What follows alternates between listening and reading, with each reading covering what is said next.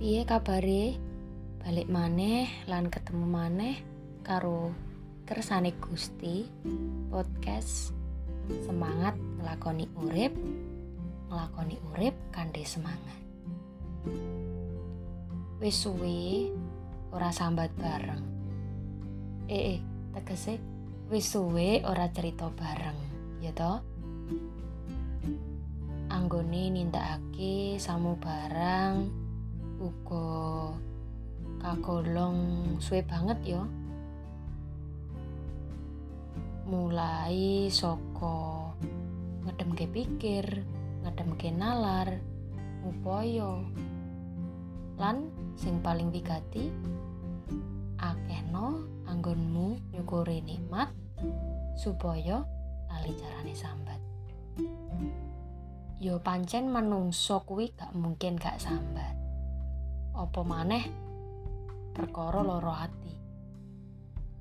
Mulane kadang ana embel-embel nalika awakmu urip aja nganti gumantung karo menungso. Kok iso ya kaya ngono? Kamangka awake dhewe iki mbutuhake menungso karo menungso liyane. Supaya apa? Dadekake raketing pas duluran ning kadang kalane nalika dhewe percaya karo wong wis ya bener-bener yakin.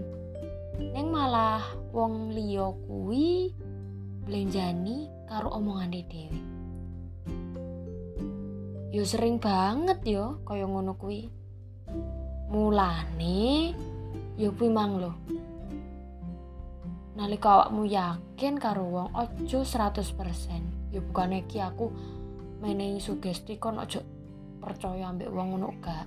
Neng nalika percaya ambek wong ku sing biasa-biasa wae. Ojo nganti ngluwehi nalika awakmu percaya marang Gusti. Kaya ngono. Nadianto wong kuwi apik. Yo yo nek pas kahanan atine lagi apik yo bakal apik yo. Nek nek kahanan atine kurang apik. Ayo kaya ngono. Piye? Yes tuladane cilik ae. Tuladane awakmu lagi duwe rezeki akeh. Lah ning kono yo mesti wae yo kancamu model piye wae pas bakal teko wis. Mesti kuwi. Bakal teko ning nalika awakmu? Sedih bingung. Nek mbok hitung kanca kancamu yo yo aku ngomong kok ngene soalnya yo pancen kuwi kedadian ning uripku ngono lho cah. Rek kanca-kanca bocah-bocah arek-arek. Ya muga-muga lumantar podcast iki awake dhewe luwih ngerteni luwih iso dadekno menungso kaya menungso sing lumrah ya to Ning sing paling wigati kuwi sadar diri lan ojo ana tembung nyalahke liyan. Mergo pribadi menungso diciptakake dewi-dewi. Wis toko aku ngono wae. Muga-muga proses kuwi tetep lumaku kanthi lancar.